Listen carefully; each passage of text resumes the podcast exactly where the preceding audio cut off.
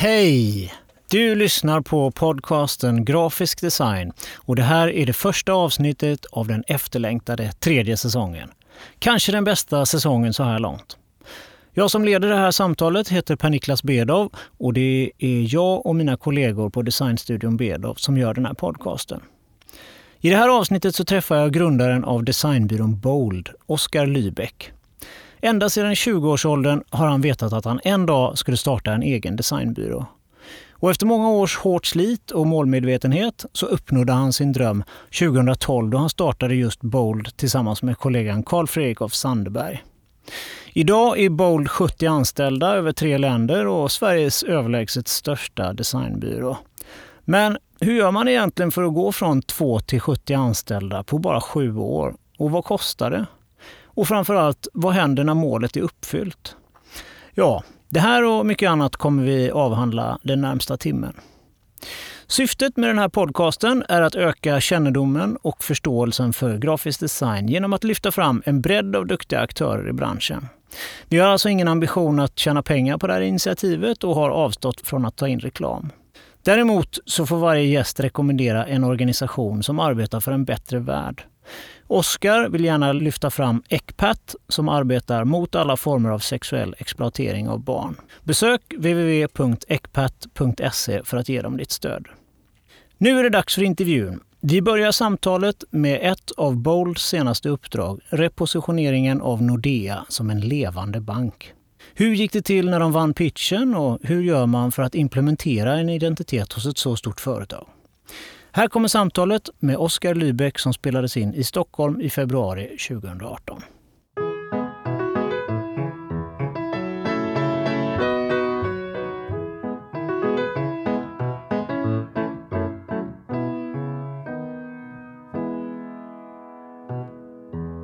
Välkommen Oskar Lybeck, Executive Creative Director på Sveriges största och snabbast växande designbyrå Bold. Ni har ju nyligen gjort om Nordeas visuella identitet. Har du lust att berätta lite grann om det projektet? Absolut. Till att börja med, tack så mycket för att jag fick komma hit. Jätteroligt att vara här. Ja, Nordea är ju eh, ett sån här enormt stort, komplicerat projekt. Jag skulle säga att det är det mest omfattande som vi någonsin har gjort.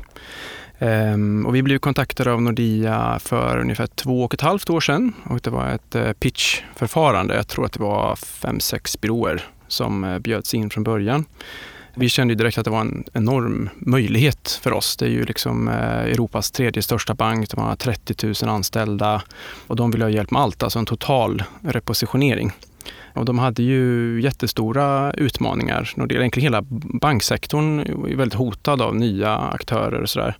Och vi fokuserade ganska mycket på att hitta en ny story, en ny strategi i våran pitch. Försöka bygga på inte bara att de är stora och trovärdiga, som många av de här storbankerna gör, utan försöka skapa någonting som kändes lite mer eh, inbjudande och levande. För när vi tittade på allt material som vi fick över och deras liksom, strategi och liksom, position och allting, så det, var, det fanns liksom inget liv där.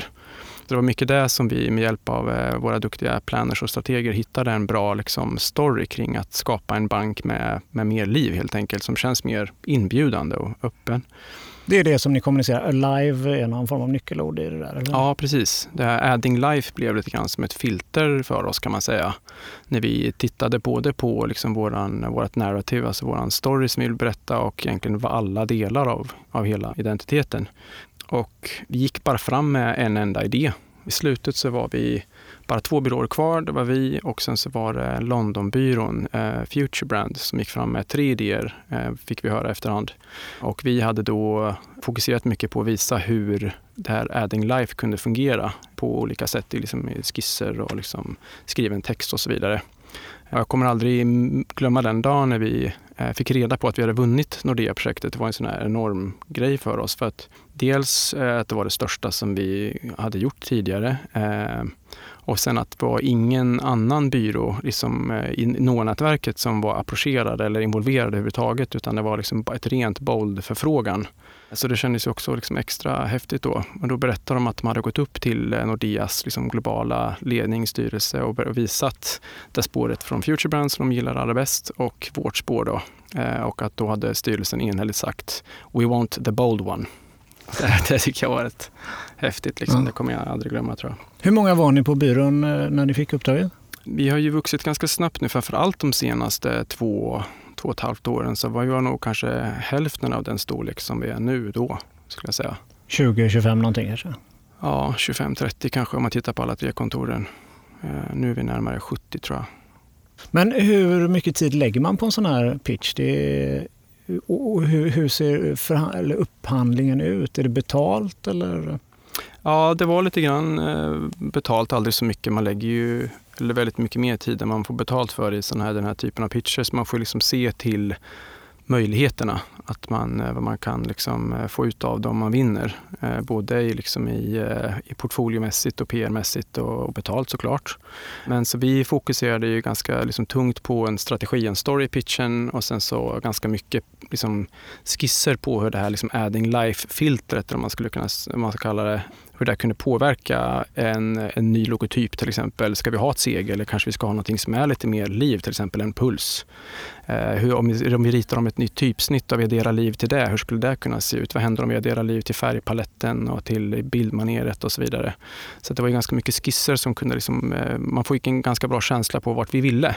Och det var roligt att eh, det som nu håller på att lanseras, eller precis har lanserats, det är ju väldigt likt det som vi presenterade i, liksom i den pitchen. Och, och, från när ni får starta startar och, och, och, skissa, hur lång tid tar det tills ni presenterar? Och hur lång tid fick varje byrå på sig? Jag kommer inte ihåg nu exakt. Vi hade kanske någon eh, månad på oss, någonting liknande.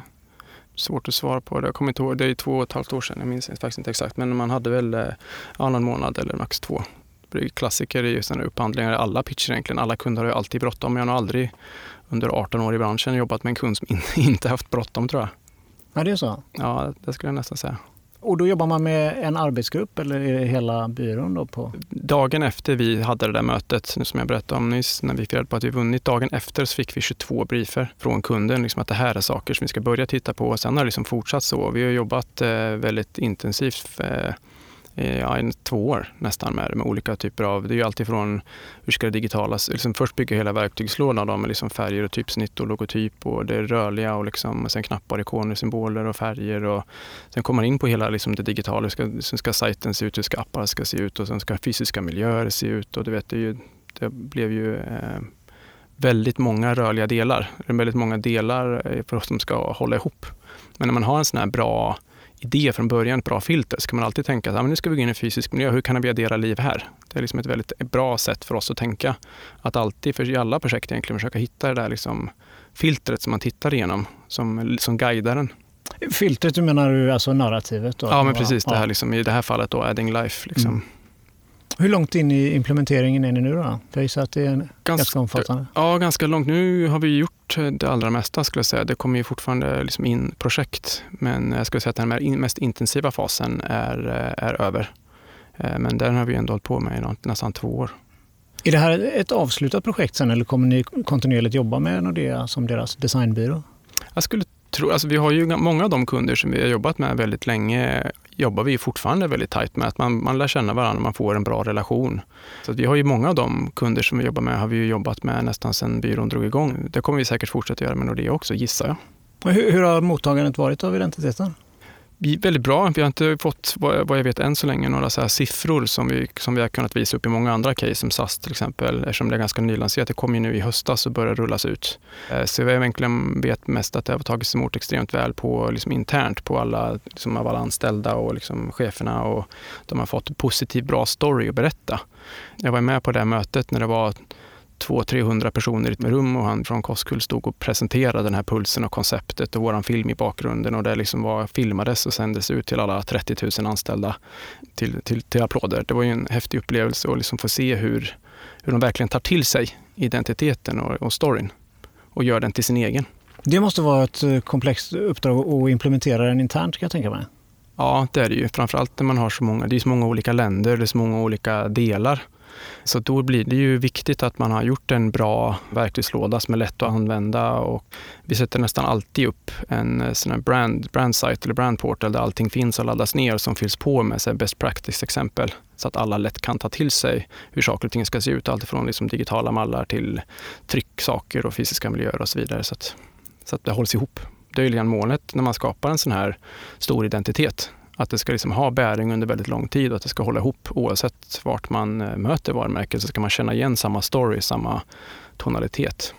Men vad ger ni Nordea för, för eh, verktyg, förutom identiteten? Jobbar ni också har ni folk på plats eh, hos Nordea för att hjälpa till med den här implementeringen? Ja, just i det här fallet så hade vi, hade vi faktiskt en, en, eh, en fantastisk eh, kvinna som heter Gunilla som har jobbat hos oss som, som produktionsledare som är väldigt, väldigt duktig på just sådana här liksom, identitetsuppdateringar. Så hon har liksom jobbat hos oss som produktionsledare och i det här fallet så satt hon faktiskt hos Nordea i ungefär ett halvår tror jag och blev en, liksom, som en länk mellan oss, byrån och hela det enorma teamet som fanns då som engagerade etablerade sig på, hos kunden.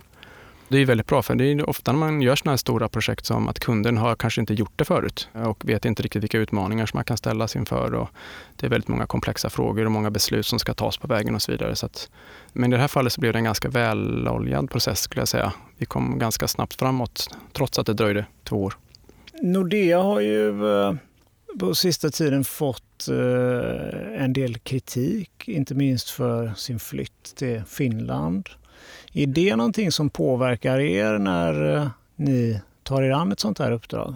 Ja, men absolut. Vi, eh, vi kom ju in långt innan det blåsvädret drog igång egentligen. Eh, men generellt kan man säga att vi Eh, alltid väljer väldigt noggrant vilka eh, kunder vi vill jobba med eller vi inte vill jobba med och har liksom en övergripande etik, moral för vilka varumärken vi vill förknippas med, både på, på byrånivå men även på personnivå. Eh, och, och liksom uppmanar ju alla, alla på Bold egentligen att vara tydliga med ifall det är någonting som man inte vill jobba med av några anledningar, men även ifall det är någonting som man, som man vill jobba med. Och vi har valt att tacka nej till många uppdrag under årens gång som tobaksbolag och politiska partier och, och så vidare.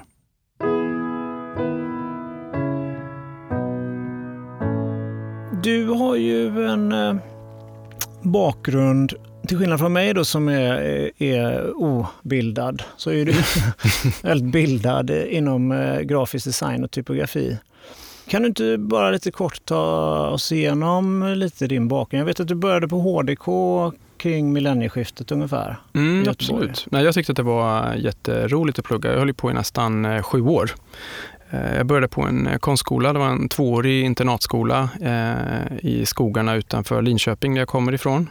Mm. Stod mest och målade och sådär och sen i slutet på första året, vill jag minnas att det var, så hade vi en, skulle ha en utställning, en konstutställning och så frågade de, var det någon som hade lust att göra en affisch? Och jag hade aldrig gjort en affisch förut, jag tänkte det låter jätteroligt. Så visade det sig att göra affischen var typ roligare än att göra målningarna. Och då sa han, min lärare, att men du ska nog kolla upp grafisk design. Det tror jag skulle passa dig rätt bra. Och det var ju verkligen en, en värld som öppnade upp sig. Det blev min livslånga passion kan man säga. Mina föräldrar var väl lite små skeptiska sådär när man kommer från du vet, en liten ort på Östgötaslätten, så designer, är det, är det ens ett jobb? lite sådär.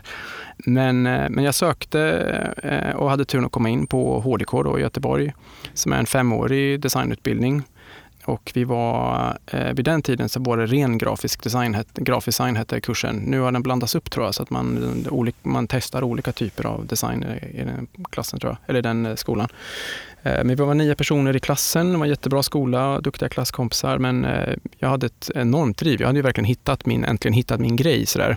Så att jag kände efter två år att jag behövde se och uppleva någonting nytt. Så jag eh, flyttade till Japan och gick på en skola som heter Hokkaido Tokai som ligger då på Hokkaido som är den norra ön på Japan. Eh, fantastisk upplevelse, inte bara designen utan även liksom kulturen och maten och allting sånt där. Så att jag fick verkligen smak för utlandsstudier kan man säga under tiden där. Jag utvecklades jättemycket där. Så jag kom hem eh, till Sverige igen, gjorde mitt examensarbete på HDK praktiserade på Happy eh, samtidigt. Väldigt lärorikt, jätteduktig byrå. Sen efter det flyttade jag till New York och gick på en skola som heter Pratt eh, i Brooklyn.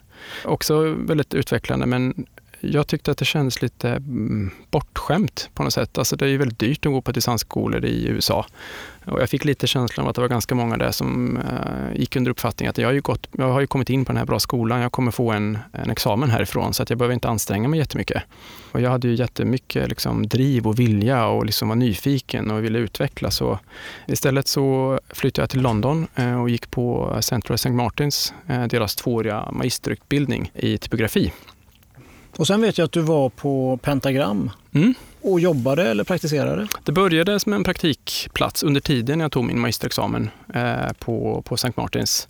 Jag blev erbjuden en praktikplats under en partner där som heter Angus Highland. Eh, det är lite speciellt med Pentagram att de är ju en enorm byrå, men alla partners driver nästan som sin egen lilla byrå kan man säga. Så att, eh, Angus hade då bara, det var tre personer förutom mig så att jag hade rätt mycket kontakt med honom och lärde mig väldigt mycket av honom. Så vi var ju som ett litet tight team kan man säga. Och han jobbar ju väldigt mycket med typografi. Han har gjort mycket böcker och eh, affischer och identiteter och så. Så han blev även min eh, mentor när jag gjorde mitt magisterexamensarbete i typografi på St. Martins. Och det ledde då vidare till en eh, betald tjänst som jag hade under, under, under tiden jag gick på skolan så jobbade jag på Pentagram samtidigt. När skolan var slut så var ju, ville jag nog egentligen väldigt gärna stanna kvar och jobba på Pentagram. Men vid det här laget så ringde min eh, dåvarande flickvän, nuvarande fru, och då hade jag ju bott utomlands i nästan sex sex år. Hon hade precis kommit in på Dramatiska institutet i Stockholm och tyckte att nu är det väl ändå dags att du kanske flyttar hem om du tror på det här och tror på oss. Eh, så att även om, och det ångrar jag inte överhuvudtaget. Jag menar, även om man hade haft världens roligaste jobb i London så hade jag inte varit lycklig ändå. Men hur såg det ut på Pentagram? Var, de, de är flera team i London va? Men... Ja, det är ett helt gäng team. Så det är allt ifrån eh, identitet och branding och det är eh, mer arkitektinriktade och produktdesign och det är väldigt mycket olika. Så det var en väldigt häftig miljö att vara i. Men samarbetar teamen med varandra? Nej, eller? förvånansvärt nog så var det väldigt eh, liksom egna lådor nästan kan man säga. Man, eh, det var liksom lite gemensamma tillställningar och fester och man, eh, de hade en kock som lagade mat där varje dag så att man satt ju umgicks med alla andra, både partners och kreatörer i de andra teamen och sådär. Men jobbmässigt så var det verkligen så här, olika partners hade olika uppdragsgivare. Åtminstone då. Det här är ju många år sedan nu. De kan säkert utvecklas de också. Men jag vill bara nämna kort om, eh, om Angus Highland då, som jag jobbade för på Pentagram. Han hade ett fantastiskt öga. Alltså han, han kunde, jag kunde suttit och jobbat med någonting i flera dagar. Du vet, hade hela skärmen full med grejer. Och eh, han kunde liksom bara gå förbi, stoppa sig själv mitt i steget och bara upp, var längst upp till vänster där på skärmen, zooma in på den. Och så tar du bort den där grejen och vänder den upp och ner och gör den svart. Där! Och jag bara, hur i her herregud, hur gick det där till? Och jag tyckte jag var ju väldigt fascinerad hur man kunde ha sånt öga. Det har jag liksom förstått nu när jag jobbat som CD själv i många år, att det är liksom en skill som man lär upp sig, eller som man tvingas nästan att lära upp sig, att, att se, se någonting snabbt. Men jag tyckte att det var en väldigt eh, häftig sak. Det kommer väl kanske med att man zoomar ut också själv liksom, från, från själva Ja, precis. Alltså när man jobbar aktivt i ett projekt har jag tänkt på många gånger själv att man blir ju nästan lite så förblindad men man som, som CD har man ju, ser man allting nästan i lite helikopterperspektiv. Eller man, jag, kan, man, jag kan se på saker som, som kunden skulle titta på det. Eh, och det är liksom lättare eh, eh, då att, liksom att kill someone else's darlings, förstå vad som, vad som grundas i rätt strategi och vad som är rätt beslut än när man liksom har dragit de strecken själv. Mm. Och efter London så flyttade du då tillbaks till Stockholm och började jobba? Ja, precis. Jag eh, hade då aldrig bott i Stockholm. Jag hade egentligen bara varit och hälsat på. Så jag minns att jag kommer ihåg att jag tyckte att det var eh, kallt och lite ogästvänligt sådär när jag varit uppe och hälsat på. Så att jag var lite såhär, ska jag verkligen flytta till Stockholm nu? Men jag hade jättedålig koll på branschen, jättedålig koll på vilka byråer som fanns. Men jag hörde mig för med en kompis som nämnde några byråer som jag gick och träffade. Och jag träffade bland annat Hans Brinfors eh, som då drev Brinfors Design, numera Brand Union. Och han erbjöd mig ett jobb, eh, mer eller mindre sittande möte. Och jag som vi säkert kommer att prata om senare, har ju alltid haft ett starkt driv att starta en egen byrå. Så jag kände att det är bra att jobba på en stor svensk byrå, eller en byrå som har många stora eh, uppdragsgivare med så komplexa frågor och så. Så att det kändes som en, en bra, bra utmaning. Så där blev jag kvar i, i nästan sex år. Och innan du eh, startade Bowl som vi kommer in på här strax då, så gick du ett mellansteg där från, från Brindfors till eh, en byrå som heter Differ. Mm. Man kan säga att jag var ju kvar på Brand Union i sex år och någonting som hände, jag har ju varit väldigt inriktad på att starta upp en byrå länge och kände att det här kan jag lära mig mycket. Och när det hade gått ungefär fem sex år så var det en kväll jag satt ute med en kompis som heter Johan Östlund som nu är eh, VD på Macan. Vi var båda väldigt trötta på våra jobb vid det, vid det läget. Så vi satt och pratade om vad vi skulle vilja göra. Jag nämnde att jag var väldigt intresserad och väldigt sugen på att jag ville starta upp en, en ny, eller en egen designbyrå. Men jag är ju kreatör, designer ut i fingerspetsarna. Så att jag känner att jag vill ha med mig en, en, en, partner på den här resan. Någon som kan alla de här delarna som inte, som inte jag kan. Alltså driva bolag och ta hand om ekonomin och projektförslag och alla sådana såna där saker. Och han tipsade då om sin, eh, sin kompis Carl Fredrik av Sandberg som då var VD på Differ som är en sån här ren strategibyrå. Och på samma sätt som jag hade lärt mig hur viktig strategin är för att designen verkligen ska betyda någonting och vara byggd på rätt saker för att kunna åstadkomma rätt effekt. Så hade Carl Fredrik kommit fram till ungefär samma sak fast åt andra hållet. Att de gjorde ju väldigt mycket positioneringsarbete och plattformar men märkte att hur, hur smart den här liksom powerpointen än är så, så kommer den ju inte ut till folk om man inte använder liksom design som ett bra verktyg för att liksom nå en målgrupp. Så att vi, vi träffades och käkade en lunch och märkte att vi kommer väldigt bra överens och tänker väldigt liknande kring varumärken och så. Och han eh, bjöd över mig till, eh, till Differ då, så att jag startade en, en liten designlåda som vi valde att kalla för Differ Design för enkelhetens skull. Och det handlade väldigt mycket om att han och jag skulle liksom lära känna varandra och kunna jobba lite grann nära varandra. Eh, och sen eh, ungefär efter eh, knappt ett år så valde vi att säga upp oss och starta, starta en ny byrå. Som heter Bold? Yes. Eh, och det här var 2011 och det gjorde ni tillsammans med reklambyrån och Stamholst? Ja, precis. Vi, det var lite, eh, när, vi, när vi väl hade kommit fram till att vi ville starta upp en, en egen byrå, då hade vi ganska mycket diskussion. Hur ska vi göra det här egentligen? Och ska vi sätta oss eh, själva och köra en 50-50 split eller hur lägger vi upp det? Och jag, som vid det här laget hade varit på ganska många olika typer av byråer, både i Sverige och utomlands, hade alltid liksom stört mig på det här splittrade varumärkesuttrycket som man får ofta, liksom att, i design och kommunikation kommunikation till exempel, att det inte är samma sak. Olika tonaliteter, olika visuella uttryck så att man inte kan hålla ihop det. Jag var rätt inne på att vi faktiskt skulle starta upp vår designbyrå i samarbete med någon som kan någonting som inte vi kan. Till exempel kommunikation. Då. Så vi träffade ett helt gäng med, ehm, med duktiga stora reklambyråer och kom ju då som ett färdigt kit kan man säga med VD och CD och ett litet pärlband av kunder som sa att vi hänger med dit ni går. Och vi, eh, vi valde Åkesson Holst väldigt mycket på grund av deras härliga kultur. Och de hade också en, eh, en kund som de jobbade med med kommunikation som hette ATG som hade ett väldigt stort designbehov. De hade inte sett över sin identitet sedan 70-talet eh, så de hade liksom ett, det blev vår founding client kan man säga, att börja jobba med det. Men då var vi ju bara två personer som satte oss helt enkelt vid ett bord inne på Åkestamholms bland alla deras kreatörer för att lära känna dem. Och så satte vi igång och, och började jobba med ATG och så fick vi in lite andra kunder och så började vi anställa några personer och sådär. Och sen så allt eftersom har växt har vi fått ett, fick vi två bord och sen fick vi ett litet rum och sen fick vi ett, ett större rum och sen har vi hållit på sådär. Eh, och så har det vuxit. Och idag är ni 70 över Norden? Ja, ungefär 70 tror jag. Eh, framförallt om man räknar med de här långtidsfrilansarna som har varit hos med oss ganska länge. För vi öppnade upp ett eh, kontor i Köpenhamn för två och ett halvt år sedan kanske, två och ett halvt, tre år sedan. Och ett eh, Oslo-kontor för ett och ett halvt, två år sedan. Det handlar ju väldigt mycket om att hitta en väldigt duktig driven VD och en CD. Och sen så är jag ju kreativt ansvarig för egentligen som allt som Bold eh, gör i alla länder. Men samtidigt är det viktigt att de som driver de kontoren känner att det är deras egen baby. Så att jag försöker ju inte liksom eh, lägga mig i eller micromanage så mycket. Är det därför du har rollen Executive Creative Director? Ja, precis. För ni har inga Creative Directors på Bold? Ja, vi, har creative, vi har en creative director på, i, på Oslokontoret och på Köpenhamnskontoret. Och vi håller faktiskt på att se över strukturen för Stockholmskontoret just nu. Så att eh, när det här eh, podden sänds så kanske det till och med har offentliggjorts. Ja. Men du, jag är lite nyfiken på när eh, ni gick in i eh, Åkerstam, Åkestam där, hur, hur såg den dealen ut? Vad får man då? Vad erbjuder ni och vad får ni? Liksom? Ja, man kan säga de, Åkestam hade ju försökt starta en, eh, eller hade ju startat eh, designbyrå eh, två gånger tidigare tror jag och inte riktigt fått det att funka.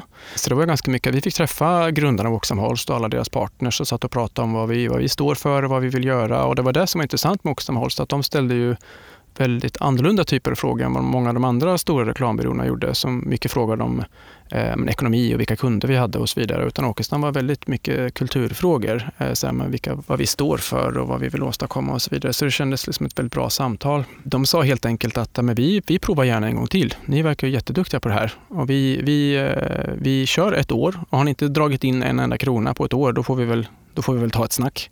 Så vi satte igång vi två då och sen så hade vi faktiskt eh, lyckades vi ta in de pengarna som behövdes för första året på bara tre månader. Då eh, var vi hemma så att säga. Och sen, eh, sen har det bara liksom rullat på och vuxit eh, sen dess.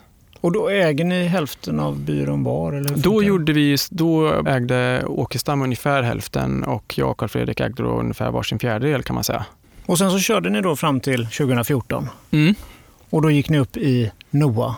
Ja, då blev vi kontaktade av eh, Thomas Högböll då, som hade kommit på hela idén med NOA. En eh, norsk man som var, tror jag var Europachef på Macan tidigare och han hade en idé om att starta upp en ny typ av nätverk. Han, han hade sett då att det fanns ju många skandinaviska duktiga nätverk men att det var ofta, ofta så att man var väldigt så här, bra i ett land och kanske lite svagare i ett annat. Så hans idé var ju att liksom köpa upp byråer som var best in class, som han ansåg det, inom olika områden. Och sen så få ihop alla. Så jag gick ifrån att vara en, en, en ganska stor eh, delägare i Bold till att bli en eh, ganska liten delägare i NOA. För alla alla människor som var delägare på de här byråerna är nu delägare i eh, NOA istället. Så det, NOA har ju väldigt många delägare. Men, eh, men det kan man ju helt ärligt säga, vi var ju Eh, jag och Fredrik var ju ganska skeptiska i början faktiskt, för att vi var ju så små fortfarande. Alltså när vi var ju, vad kan vi ha varit, 10-15 personer kanske, någonting sånt där. Jag kände att vi har ju precis börjat få liksom luft under vingarna och liksom landat lite bra uppdrag och börjat få liksom synas och höras lite och sådär. Så att det kändes lite tidigt. Men eh, Thomas hade en bra liksom, story vad han ville åstadkomma och vi var ju den enda liksom, branding identity-byrån i hela nätverket och är liksom fortfarande. Så att vi, vi tyckte att men det här kan vi nog lära oss väldigt mycket på eh, och se det som utvecklande. Och den NOA har gett nu kan man säga att det är ju liksom ger oss en möjlighet att skräddarsy team för olika typer av kunder. Att man kan låna in duktiga copies från Åkestam Holst eller man kan låna väldigt så här, duktiga liksom front-end UX-personer från Making Waves och så vidare. Men nästan det mest spännande skulle jag säga, både för mig personligen och för Bold, under NOA-tiden har varit ett nära samarbete med en byrå som heter Evidence som är en ren så här, strategibyrå som startades av en väldigt smart man som heter Niklas Bondesson som eh, har doktorerat på varumärken både på Lunds och Stockholms universitet. Och han har liksom omsatt hela den här liksom kunskapen i en, eh, i en undersökning som eh, leder fram till vad som driver köp eller vad som får människor att välja olika typer av varumärken. Så varumärken är ju bara associationer i människors medvetanden och liksom att kunna påverka vilka, vilket jobb ska designen göra för att påverka de här associationerna. Och det som är så bra för oss är att det som kommer ur den här undersökningen är väldigt lätt för oss att ta till oss och förstå. Så det är liksom ett antal ord eller så drivkrafter som vi vet att men det här är de drivkrafterna, eller det här är de associationerna som designen ska bygga. Men jag är ju rätt krass när det kommer till design egentligen. Jag tycker att det är ett, eh, ett affärsverktyg Eh, för, liksom, för att ta en position, att nå en målgrupp eller få folk att köpa mer av en vara eller vara beredda att betala mer för en vara. Och det här sättet att som vi nu jobbar med, med, eh, med evidens i alla egentligen våra stora kunder, det har ju varit eh, en riktig eye-opener kan man säga för, för att jättetydligt sammanlänka liksom strategi, insights, data med en visuell idé, en koncept och sen så som nå en effekt. Så jag är väldigt effektdriven. Men det, det är ju någonting som skiljer dig från många av de tidigare gästerna som jag har haft här. Att du hymlar inte riktigt med att, eh, att design är just ett affärsverktyg. Men jag är lite nyfiken på hur känner du som kreatör? För det där är ju ofta en ställningstagande som mer kanske en, en, eh, någon som sitter på, på andra sidan på byrån tar. Eh, och måste man gilla den designen som man gör? Allting som man gör går väl genom någon typ av filter, att man tycker att det ska vara visuellt attraktivt. Men vi försöker ju att, att inte ha en, ska man säga, en byråstil. Att försöka liksom, vi försöker hålla oss ifrån någon typ av visuellt uttryck som man kan lära sig känna igen att det där kommer nog från den där byrån. Det tycker jag skulle dra det så hårt till och med att det är nästan lite respektlöst mot kunden. Eh, då kan man mer nästan jobba som en konstnär. Att gillar du mitt, eh, min konst eller mitt uttryck så köp, köp här. Medan vi försöker verkligen eh, börja med varje, varje kund med ett vitt papper och se på vad är det för jobb designen ska göra just i det här fallet. Och då är ju liksom att man bygger på rätt associationer och liksom tar sig fram till någonting som, är, som, kan hålla, som, som, som fungerar på väldigt många olika sätt. Vi gör ju främst eh, visuella identiteter och ganska många stora visuella identiteter. Eh, och det är egentligen det som jag alltid varit eh, mest intresserad av och tyckt varit roligast. Jag har aldrig varit så intresserad av att göra såna här vackra coffee table-böcker som kanske inte jättemånga personer Eh, läser utan jag vill göra de här liksom stora komplexa identiteterna där man måste hitta en bra story som kan ta sig olika uttryck på eh, jättemånga olika plattformar och få liksom, det är en, både en intellektuell och en kreativ utmaning att få det att fungera. Och då drivs jag väldigt mycket av att, eh, att hitta någonting som faktiskt skapar en effekt som aldrig bara blir yta eller som eh, och smak, färg och form. Hur mäter ni det, effekten? Det gör man ju på kan vara ganska många olika sätt. Vi gör oftast med nollmätning till exempel när man, eh, innan man sätter igång med ett projekt. Liksom, vad har man för, eh, det är också väldigt olika vilken effekt man vill uppnå. Ifall man handlar om att nå en, en ny målgrupp eller en ny position eller att få fler användare eller att sälja mer av en vara. Eller så där. Men man behöver ju nästan en, eh, någon typ av nollmätning för att se vad är det vi egentligen utgår ifrån. Som det finns många exempel på det. Vi gjorde ju om eh, Nix till exempel som var sån här liksom, eh, sockerfria produkter som var ganska smaklösa och såg väldigt smaklösa ut. Och I samband med att de liksom ändrade på recepten så ville de ha en helt ny look. Så då liksom eh, var ju med, med, med den utgångspunkten att skapa liksom en förpackningsdesign som skickar mycket mer smak och liksom lekfullhet och nästan lite så rebellisk kaxig attityd. Då gjorde man en mätning innan, hur mycket säljer de nu? Och så en halvår efter det nya lanserat så kunde man konstatera att det hade varit en försäljningsökning på 1000 procent tror jag. Och det är en sån typ av eh, siffror som man är väldigt glad att kunna visa upp för andra typer av kunder. Och samma sak med de siffrorna som vi fick med arbetet vi gjorde med SAS var ju också helt fantastiska.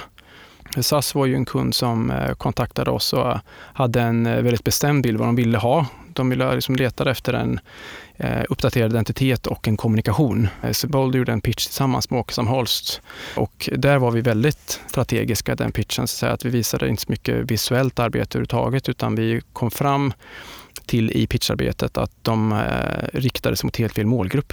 De hade ju liksom gjort, börjat rikta sig jättemycket mot lågprisjägare och det är ett priskrig som SAS aldrig skulle kunna vinna. Vi eh, lokaliserade en helt ny typ av målgrupp som var så här, affärsresenärer, de som reser ofta.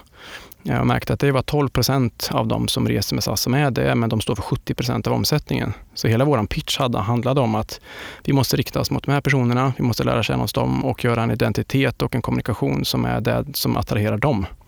Och det var ju så vi liksom vann hela den pitchen och vi kallade den här målgruppen för True Travelers och sen byggde vi en hel identitet som eh, skulle attrahera den målgruppen. Och vi utgick ju jättemycket från det ar jättefina arbetet som eh, Björn och gänget på Stockholm Design Lab gjorde när det begav sig. Men utmaningen var att under de följande 20 åren som hade gått när vi, tills när vi träffade SAS 2014 så hade man lagt till, sig till med jättemycket olika typer av eh, grafiska Eh, alltifrån liksom knappar och, och liksom ett bildmaner med så skrattande barn, mäter glass vid pooler och liksom köp, köp, köp och billigt, billigt och liksom alla färger, hela regnbågen. Och, så det handlar för oss väldigt mycket om att skala, skala av det som hade lagts till och sen så liksom, eh, utgå ifrån de fina byggnadsstenar som fanns. Eh, återgå, återgå till kärnan så att säga och, och eh, uppdatera det för väldigt mycket digitala uttryck med typs, typsnitt och så vidare. Men om vi bara går ett steg tillbaka. Hur säljer du in Bold? Var, positionerar ni er? Jag upplever att det finns en, en liten eh, skala där konst är på ena sidan och kommers är på den andra. Mm. Du nämner här att du har en, en väldigt kommersiell syn på det. Var ligger ni ungefär där och, och vad positionerar ni er som i branschen? Sådär? Ja, alltså utan egentligen att det var meningen. Alltså när vi drog igång eh, Bold så var det liksom inte på något sätt vare sig meningen att vi skulle bli någon slags renodlad eh, identity branding-byrå eller att vi skulle bli så stora. Det fanns en, en förhoppning, kommer jag ihåg, när vi startade att vi skulle bli så pass stora så att man skulle kunna ha några projekt igång samtidigt. Eh, så att det fanns en stabilitet. Jag är väldigt mån om, att, eh, om, om kulturen och en viktig del av kulturen är ju att man ska känna sig trygg och liksom inte behöva liksom släppa folk och så. Så att jag tyckte att det skulle vara, kommer ihåg i början, där, jag tänkte att det skulle vara fantastiskt om vi kunde bli 10-15 personer. Och sen när vi hade helt plötsligt blivit 20-25, då kom jag ihåg att jag och Carl Fredrik sa att men nu, nu är det ganska bra, nu räcker det nog. Lite sådär. Men sen så har vi vuxit med, med de eh, projekten som har kommit in. Jag skulle säga att när vi träffar när vi träffar nya kunder så pratar vi väldigt mycket om det här liksom att vi drivs, för, drivs av att liksom skapa en effekt, att vi är väldigt strategiskt drivna, att vi vill, liksom, eh, vi vill att designen ska göra ett jobb och uppnå någonting. Men att vi framför allt att vi är väldigt idé konceptdrivna. Vi pratar mycket om eh, bold ideas. Att det är liksom den som är kärnan. Det är liksom den här liksom storyn eller narrativet som sitter i mitten hela tiden, som man alltid kan känna igen. Som kan ta sig olika, olika uttryck. Mycket av det vi gör handlar ju om liksom att sätta människan i fokus, inte så mycket designa för kunden utan för kundens kunder. Hur kan den här liksom idén eller konceptet tas ut så att den liksom gynnar människorna som kommer utnyttja den här tjänsten eller den här, eh, det här varumärket på något sätt. Så att vi är ganska, ska man säga, vi blandar ju upp det här kommersiella, liksom, eh, liksom, ska man säga, lite hårda, strategiska, datadrivna med väldigt ska man säga, emotionell och ofta ganska lekfullt uttryck. De ska liksom, eh, för att det ska kännas liksom mänskligt och varmt och inbjudande och liksom härligt att interagera med. Finns det en problematik i det? Att, eh, ibland kan jag tycka att man ljuger lite med design. Hur menar du då? Att det ska kännas mänskligt och lekfullt. Det vill ju liksom massa stora bolag, eh, det är ju en jättetrend nu, lekfullt. Mm. Eh, att, ehm, att man ska kännas... Menar, man målar upp en bild som kanske inte alltid stämmer och sådär. Nej, men det är väl det jag menar med det här med att man, man börjar ju alltid med ett vitt papper. Och menar, det är klart att det inte alltid passar att det ska vara jätteemotionellt och lekfullt och så vidare.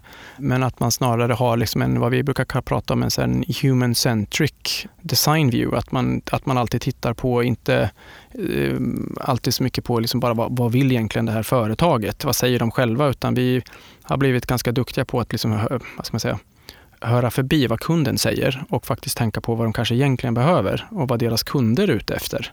För det har hänt jättemånga, både i Nordeas fall och SAS fall och många andra fall, att kunderna sagt oss det här är det vi vill ha. Och att vi har liksom eh, antingen vunnit pitchen eller liksom överträffat målen på grund av att vi har snarare sett förbi vad de själva tror att de behöver och fokuserat på vad vi tror att deras kunder behöver och vill ha. Och ibland kan det ju vara liksom en härligare, mer inbjudande användarupplevelse. Till exempel vad, vad händer när man interagerar? Vad händer liksom när man, eh, vilken tone of voice har man? Vad händer när man eh, hovrar ovanför någonting eller klickar på en mus? Eller bara med känslan av att man eh, interagerar inte med en databas utan en, ett, ett levande varumärke. Ibland passar det, eller oftast passar det ju liksom väldigt bra att göra jobbet på ett bra sätt. Att man känner att man interagerar med ett varumärke som, som vill någonting. Och menar, vi, vi skriver ju alltid väldigt utförliga som manifest och stories och narratives kring vad, vi, vad, vad designen utgår ifrån och vad liksom storyn är. Så att de, dels för oss själva, men även så att de kan prata om det internt. Liksom att vår designbyrå har, har utgått ifrån det här och det här är storyn och det här ska vi liksom leva upp till och så vidare. Har ni copywriters anställda? Ja, vi jobbar ju väldigt mycket med copy. Vi, har liksom inte, vi använder olika typer av copies. Det finns ju väldigt många reklambyråer, duktiga reklambyråer i NOA-nätverket. Så vi har ganska många där som vi brukar använda. Ja, ni kan nyttja dem internt? Precis, ja, vi lånar ut resurser både från, från Bold och från de andra till oss och så vidare. Väldigt mycket. Men en annan sak som jag är nyfiken på är, jag upplever för designbyråer som vi lider av ganska mycket i förhållande till reklambyråer, det är att vi går in och gör en punktinsats och gör om en förpackning eller någonting. Och sen är det tack och adjö i tre år till den ska göras om igen. Och så har man, det, är liksom, det är nya projekt hela tiden, det är inte så mycket löpande arbete och sådär. Hur har Åkestam Holst eh, varit för er där? Får ni mycket uppdrag genom dem? Jag skulle säga att de var en eh, jätteviktig och stor motor för oss, framförallt i början. Alltså som sagt, vi var ju, vi var ju två personer när vi drog igång och satt där och ritade, jag tror det var 250-300 hästhuvuden för ATG själv. Liksom. Vi hade ju aldrig landat den kunden ifall det inte varit för ATG och många andra kunder vann vi ju i kombination med Åkestam Holst. För att jag tror att de kanske, många kunder kanske trodde att vi var större än vi var. Liksom vi var ju eh, bara, efter ett halvår kanske vi bara var fem, sex stycken. Sådär. Men jobbade ju ändå med ganska stora uppdragsgivare ganska mycket från början. Någonting som skiljer Åkestam Holst och, eh, och Bold, eller reklamvärlden och eh, designvärlden kanske, är ju att en reklambyrå ganska ofta kan gå in i ett nytt år och redan ha liksom 70, 80, 90 procent av intäkterna säkrade för att man skriver så här långa kontrakt. Medan eh, vi som designbyrå, eller åtminstone om jag talar utifrån Bold, vi går in i varje nytt år med liksom eh, kanske 20-30 procent satt. Och det är mycket av de här, vi har ju väldigt många vad ska man säga, långsiktiga, långvariga byrå, eh, som byråkundrelationer. Som, som vi har jobbat med ATG har vi jobbat med eh, sedan dag ett och är fortfarande en jättestor kund. Eh, och många av de andra också som jag jobbat med, Folksam och TV4 och Nordea för den sakens skull. Många av de andra har vi ju liksom kontinuerliga projekt med hela tiden. För man, man måste ju uppdatera, man kommer på nya saker man vill göra och sådär. Ja, Men, är det så att ni kommer på nya saker och säger så att ni borde göra andra? Ja, vi försöker vara proaktiva och tänka på vad, vad, vad kunderna borde tänka på och vad, liksom, ha lite koll på omvärlden och liksom vad, vad man borde liksom, göra för att fortsätta liksom attrahera målgruppen och så vidare. Men eh, det, är också, det kommer ju, kan också mycket väl komma från kunden att man känner att nu, nu, vill vi, nu vill vi se över våra lounger eller nu vill vi vad det nu kan vara. Ni är ju omkring 50 personer på Stockholmskontoret. Mm.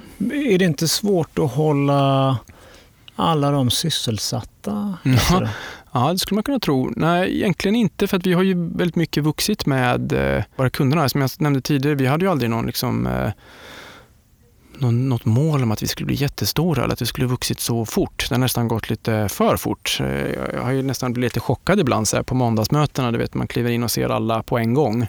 Eh, och så där, Oj, vart kom alla ni ifrån nästan? För det har ju gått så fort. Men vi har ju verkligen eh, vuxit med, i takt med att vi har fått in, fått in nya kunder så att vi har aldrig anställt någon ifall inte haft ett behov. Och vi har ju kört väldigt mycket, jag tycker att, ehm, jag brukar prata mycket om det, att design är ju väldigt eh, lustdrivet och liksom, som jag nämnde tidigare, väldigt mån om kulturen, att man mår bra. Så att då eh, krävs det ju att, att eh, att kulturen är att väldigt bra, att man känner sig liksom trygg och så. Så att vi börjar alltid med, eh, nästan alltid ska jag säga, med, med en projektanställning eller en provanställning. Så vi får en möjlighet att liksom känna på personen och framförallt nästan att den här personen också ska få en möjlighet att känna på oss. Att lära känna gänget och känna, lära känna kulturen, att man trivs och att man passar in och så vidare.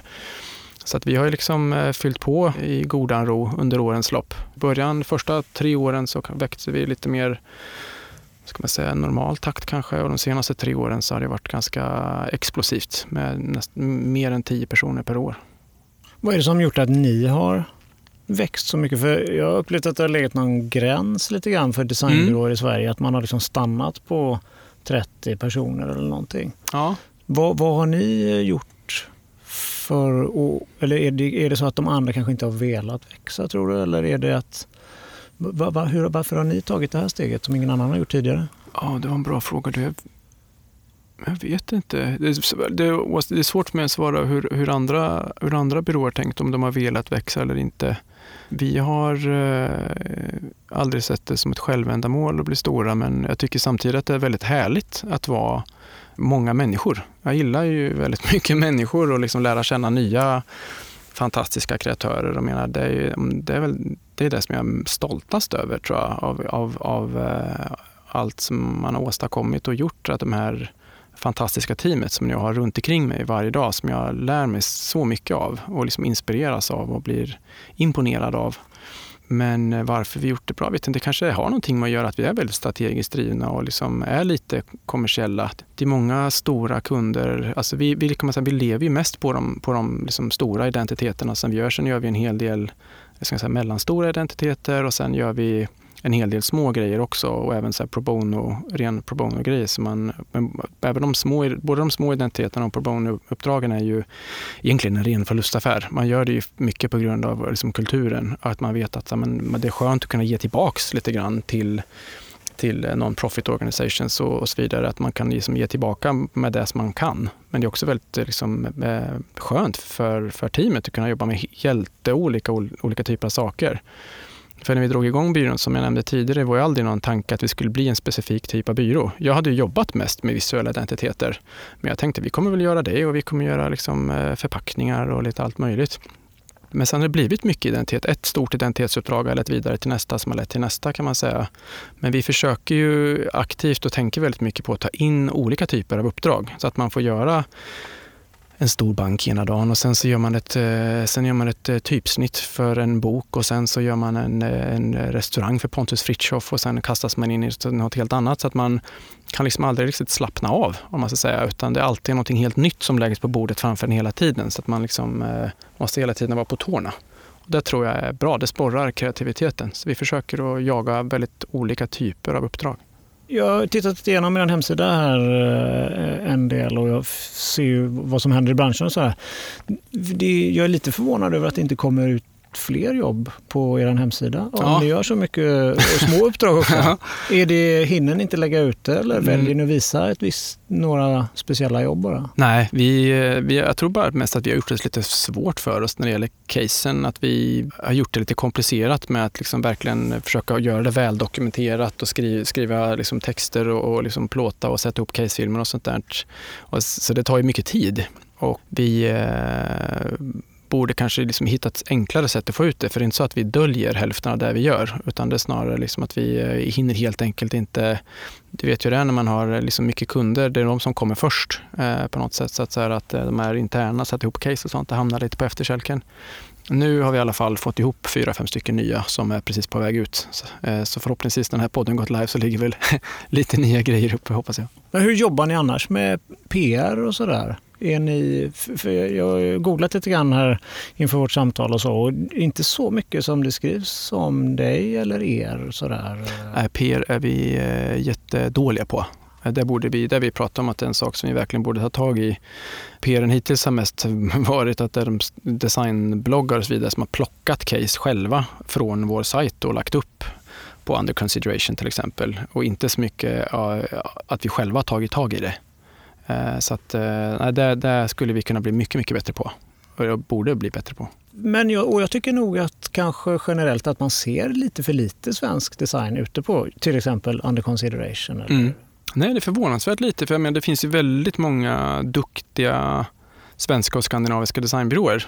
Det har jag märkt under när jag jobbat många år utomlands så där, att det finns ju liksom ett eh, intresse för här, vårt skandinaviska mindset kring design, hur vi tänker och hur vi jobbar med design. Så att det känns som att och vi står oss ju, för att vara ett litet land, relativt bra i, i många av de stora kreativa liksom, designtävlingarna runt om i världen. Ja, gör vi det i design?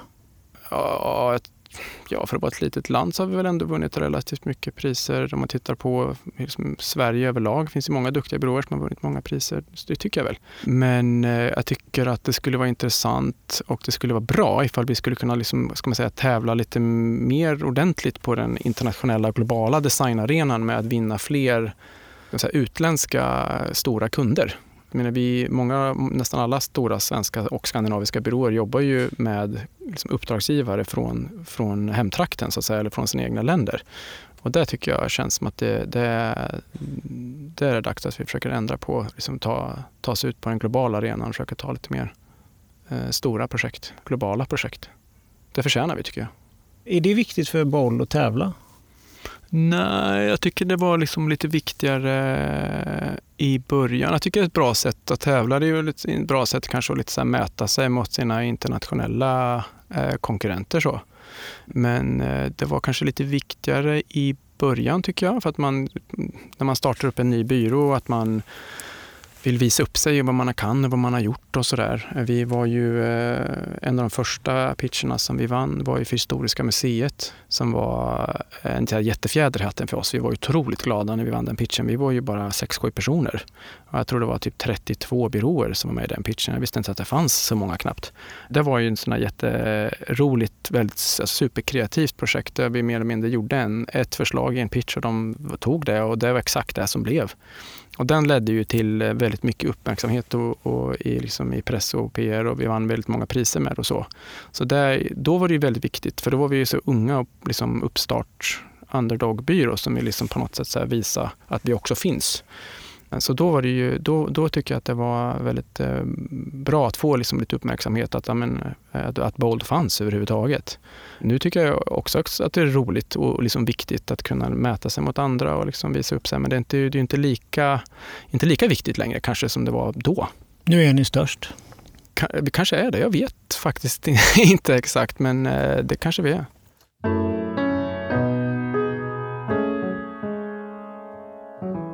Men du pratar ju flera gånger i samtalet här om eh, ditt driv Mm. som du har. Var kommer det ifrån?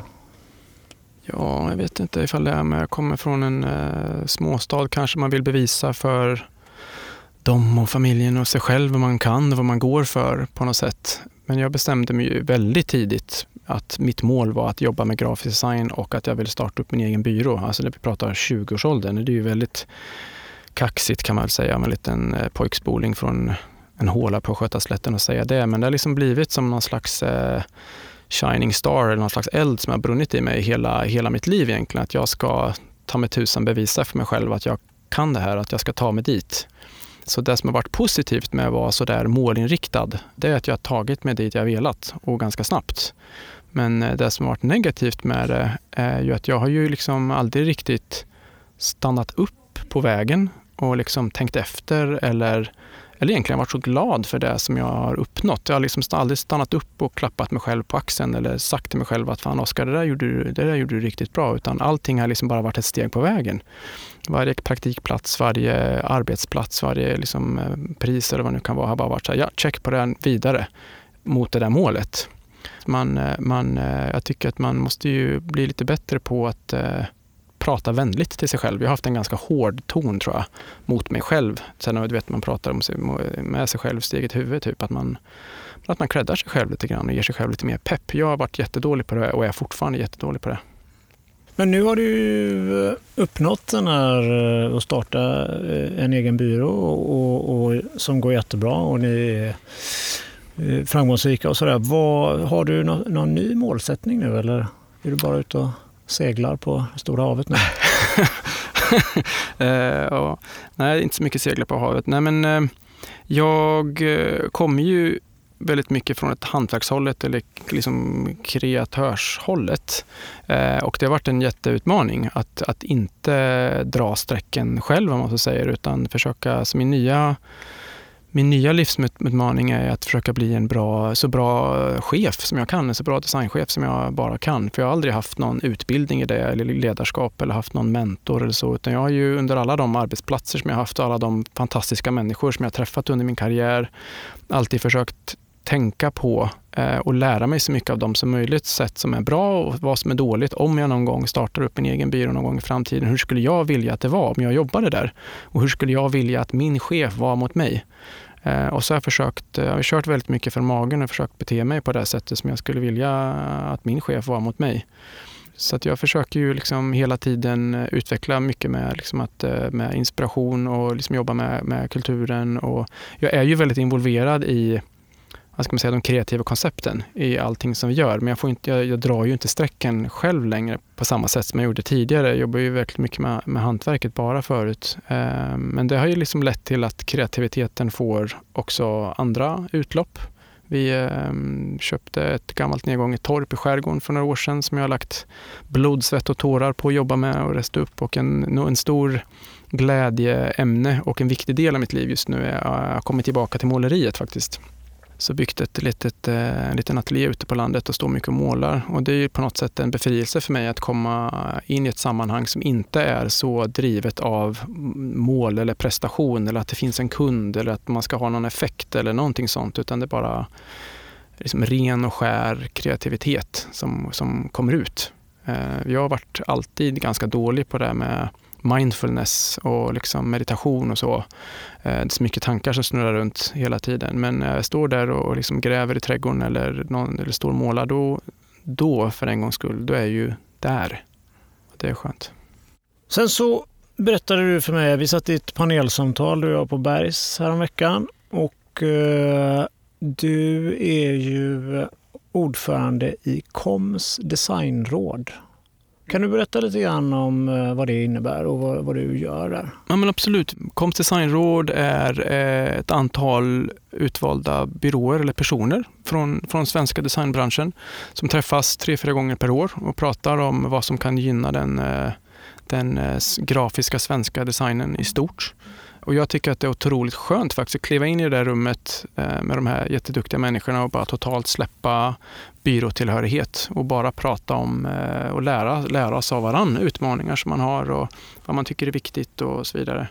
Eh, och för drygt ett år sedan så blev jag tillfrågad om jag ville bli ordförande och som jag eh, har berättat så jag drivs ju väldigt mycket av effekten av design. Så att eh, en av de första grejerna som, som jag var med och hjälpte till att det blev av var en eh, designkategori 100 wattan. För det är ju en av de få som rena eh, effekttävlingar som finns med, med kan tävla i design. Vi var även på och pratar med Resumé om att ha en eh, effektmätning av design som återkommande grej. Och eh, vi var några stycken som, eh, som drog igång en hyllning till årets designköpare.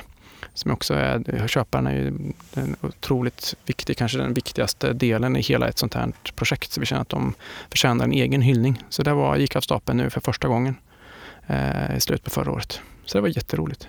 En sak som jag tycker saknas i svensk design är eller det, det, finns en sorts polarisering i. Det finns eh, de här stora byråerna och så finns det de små. Lite mm. Mm. Och jag tycker vi har missat i Sverige att plocka upp den nya generationen av designers som har kommit eh, det senaste decenniet i alla fall. Det är bara, det, om man tittar på Guldägget till exempel som är, är kanske där det uppmärksammas mest, design och sådär. Så mm. ser det väldigt eh, likadant ut tycker jag i juryn, i, i, i, i de som vinner och sådär. Ja, jag håller med. Är det någonting som ni kan jobba med och, och lyfta och liksom få in, eh, ska man säga, få en föryngring helt enkelt i branschen? Ja, alltså det har ju skett en, eller håller på att ske och, och har skett en, en, en, ganska stort skifte i branschen från liksom sättet man jobbade när jag jobbade med Hasse Brinkfors för liksom 10-12 år sedan och sättet man presenterade designuppdrag eller liksom identiteter då och sättet man gör det nu. När man eh, interagerar mycket mer med liksom, eh, digitala devices så att säga, att, liksom att eh, designen har nästan blivit ännu viktigare när man liksom, eh, interagerar med ett varumärke på en, på en liten skärm. Vilket typsnitt, vilken tonalitet och framförallt kanske hur det rör sig. Och man, många av de svenska designbyråerna, eller egentligen alla designbyråer runt om i hela världen, gör ju allt fler rent digitala produkter och tjänster. Och det kanske inte har alltid kommit fram på, rätt, på, på liksom motsvarande sätt i tävlingar utan det är fortfarande med den gamla klassiska typen av grafisk design som premieras. Så att jag tycker att definitivt att, vi, att det borde vara mycket mer liksom närvaro av, av digital design i de här liksom klassiska designkategorierna och det borde också återspeglas mycket tydligare i, i jurys. Och vi som är en ganska stor byrå, vi har ju en möjlighet att attrahera liksom, eh, duktiga människor och talanger, dels från skolan men även från liksom, andra länder och så.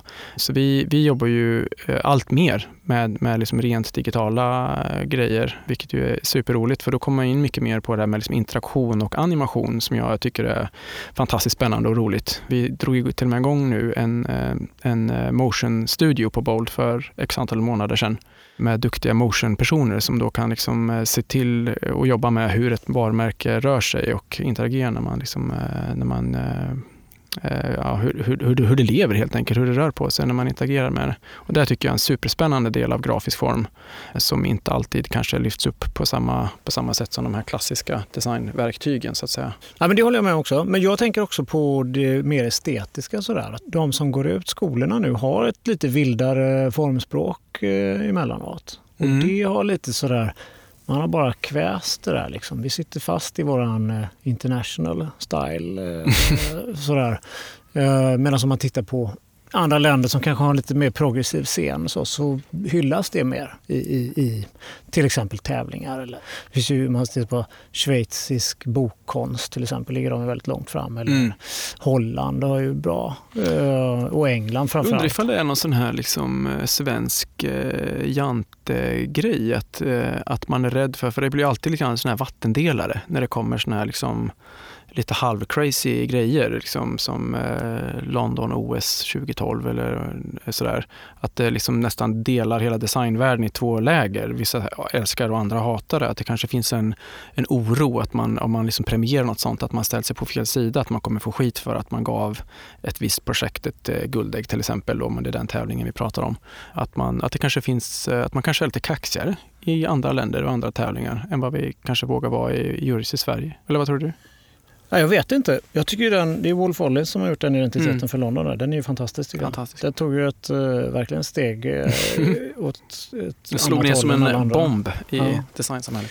Men, uh, nej, men jag tror att det behövs göra ett, ett uh, strukturellt kanske en strukturell förändring lite grann. Jag pratade med Jakob Trollbäck igår mm. som sa att när Art Directors Club i New York startade Young Guns så kom det in ett helt nytt formspråk där. Liksom. Då får, mm. Man får inte vara mer än 30 år för att söka det. det. Det är sån grej kanske KOM skulle kunna jobba med. Eller eh, eh Kolla är ju en liten organisation. Jag tror att det är svårt för dem. De får nog inte så mycket medel kanske. Men mm. där förekommer ju det här jättemycket, den här yngre generationen. Mm. Och det är det jag menar att det är en liten det är ganska polariserat. Det är som att det finns den här reklamvärlden, reklamdesignen Mm. och så finns det den här mer konstnärliga. Men för det är jätteviktigt att man inte känner att som ung kreatör på något sätt på väg ut på marknaden att det är någon slags liksom stängd dörr eller en satt stil hur man ska, hur man ska vara som man försöker anpassa sig till. För då kväs man i hela den här nya, alltså design är ju jättemycket ett uttryck för kulturen och liksom samhällets eh, liksom skiftningar och vad som pågår. Liksom. Så att det känns ju jätteviktigt att inte på något sätt eh, liksom kväva den nya stilen eller den nya känslan som man har kring uttryck i form, inte bara grafisk form utan design överlag. För det är ju liksom verkligen ett, eh, ett, ett kulturuttryck för vår, för vår tid. Så det, det vill man ju verkligen inte att det ska kännas som att vi eh, stäng, har någon slags stängd dörr eller att ska du jobba i designbranschen då får du anpassa efter den här mallen eller den här stilen. För så har vi, så har vi alltid gjort och så kommer vi alltid göra. Då kan vi lika gärna lägga ner. Vi måste ju röra oss framåt.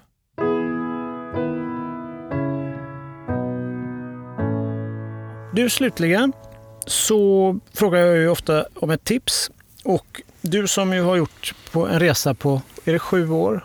Startade, Mm. Ganska åtta exakt sju år Sju år. Sen ni startade Bold och gått från 2 till 70 personer. Om man som byrå vill växa, vad skulle du eh, ge för tips där? Om du får lyfta fram en sak som är, som är viktig att tänka på. Mm. Vad är det då? Ja, Jag misstänkte att du skulle ställa den frågan, för du brukar ju göra det. så jag tänkte lite grann på den. Och, eh, och en sak hade varit, för du och jag pratade ju när vi satt i någon jury för ett år sedan om att ni var lite sugna på att anställa en produktionsledare. Eh, som jag kommer ihåg att jag sa att jag tyckte var en väldigt bra idé. För produktionsledare var en riktig eye-opener när vi anställde vår, vår första på Bold, alltså vilken enorm skillnad det blir. Som liksom hela, hela maskineriet oljas, både i projekt och i hela liksom byråns framdrift. Och så, här. så hade ni inte gjort det så hade jag, kanske det var den första grejen jag hade sagt. Men nu när ni har ett antal duktiga kreatörer och en eh, och eh, duktig produktionsledare så eh, kanske eventuellt en liksom strateg eller planer skulle kunna vara ett bra tillskott. För då, åtminstone utifrån min egen erfarenhet, så har vi vi har ju lagt upp väldigt många av våra, våra kundmöten så att, att man liksom visar några få projekt som man har gjort, vad utmaningen var, vad vi gjorde, alltså den här idén, konceptet, the bold idea, vad den handlar om, hur den tagits ut och vilken effekt vi har nått. Och hade vi inte haft duktiga strateger och planners så hade vi inte kunnat liksom vara lika, kunna visa hela den kedjan på ett, på ett bra sätt. Och de här casen som man gör, de blir ju väldigt mycket liksom ett shopping window eh, gentemot omvärlden, vad, vad vi har gjort och vad vi står för och vad vi kan göra. Så jag skulle säga att våra liksom, eh, strateger och planners har varit en jätteviktig del att kunna liksom göra riktigt bra case och liksom bra, bra, få, bra, få bra effekt på det vi gör. Och det har lett till att vi har vunnit väldigt många kunder som har lett till att vi har kunnat anställa väldigt mycket personer. Och sen har det rullat på så. så Vad Mm. tror du om det? Det får bli nästa steg. Ja. Mm. Tack för att du kom. Ja, stort tack för att du kom hit.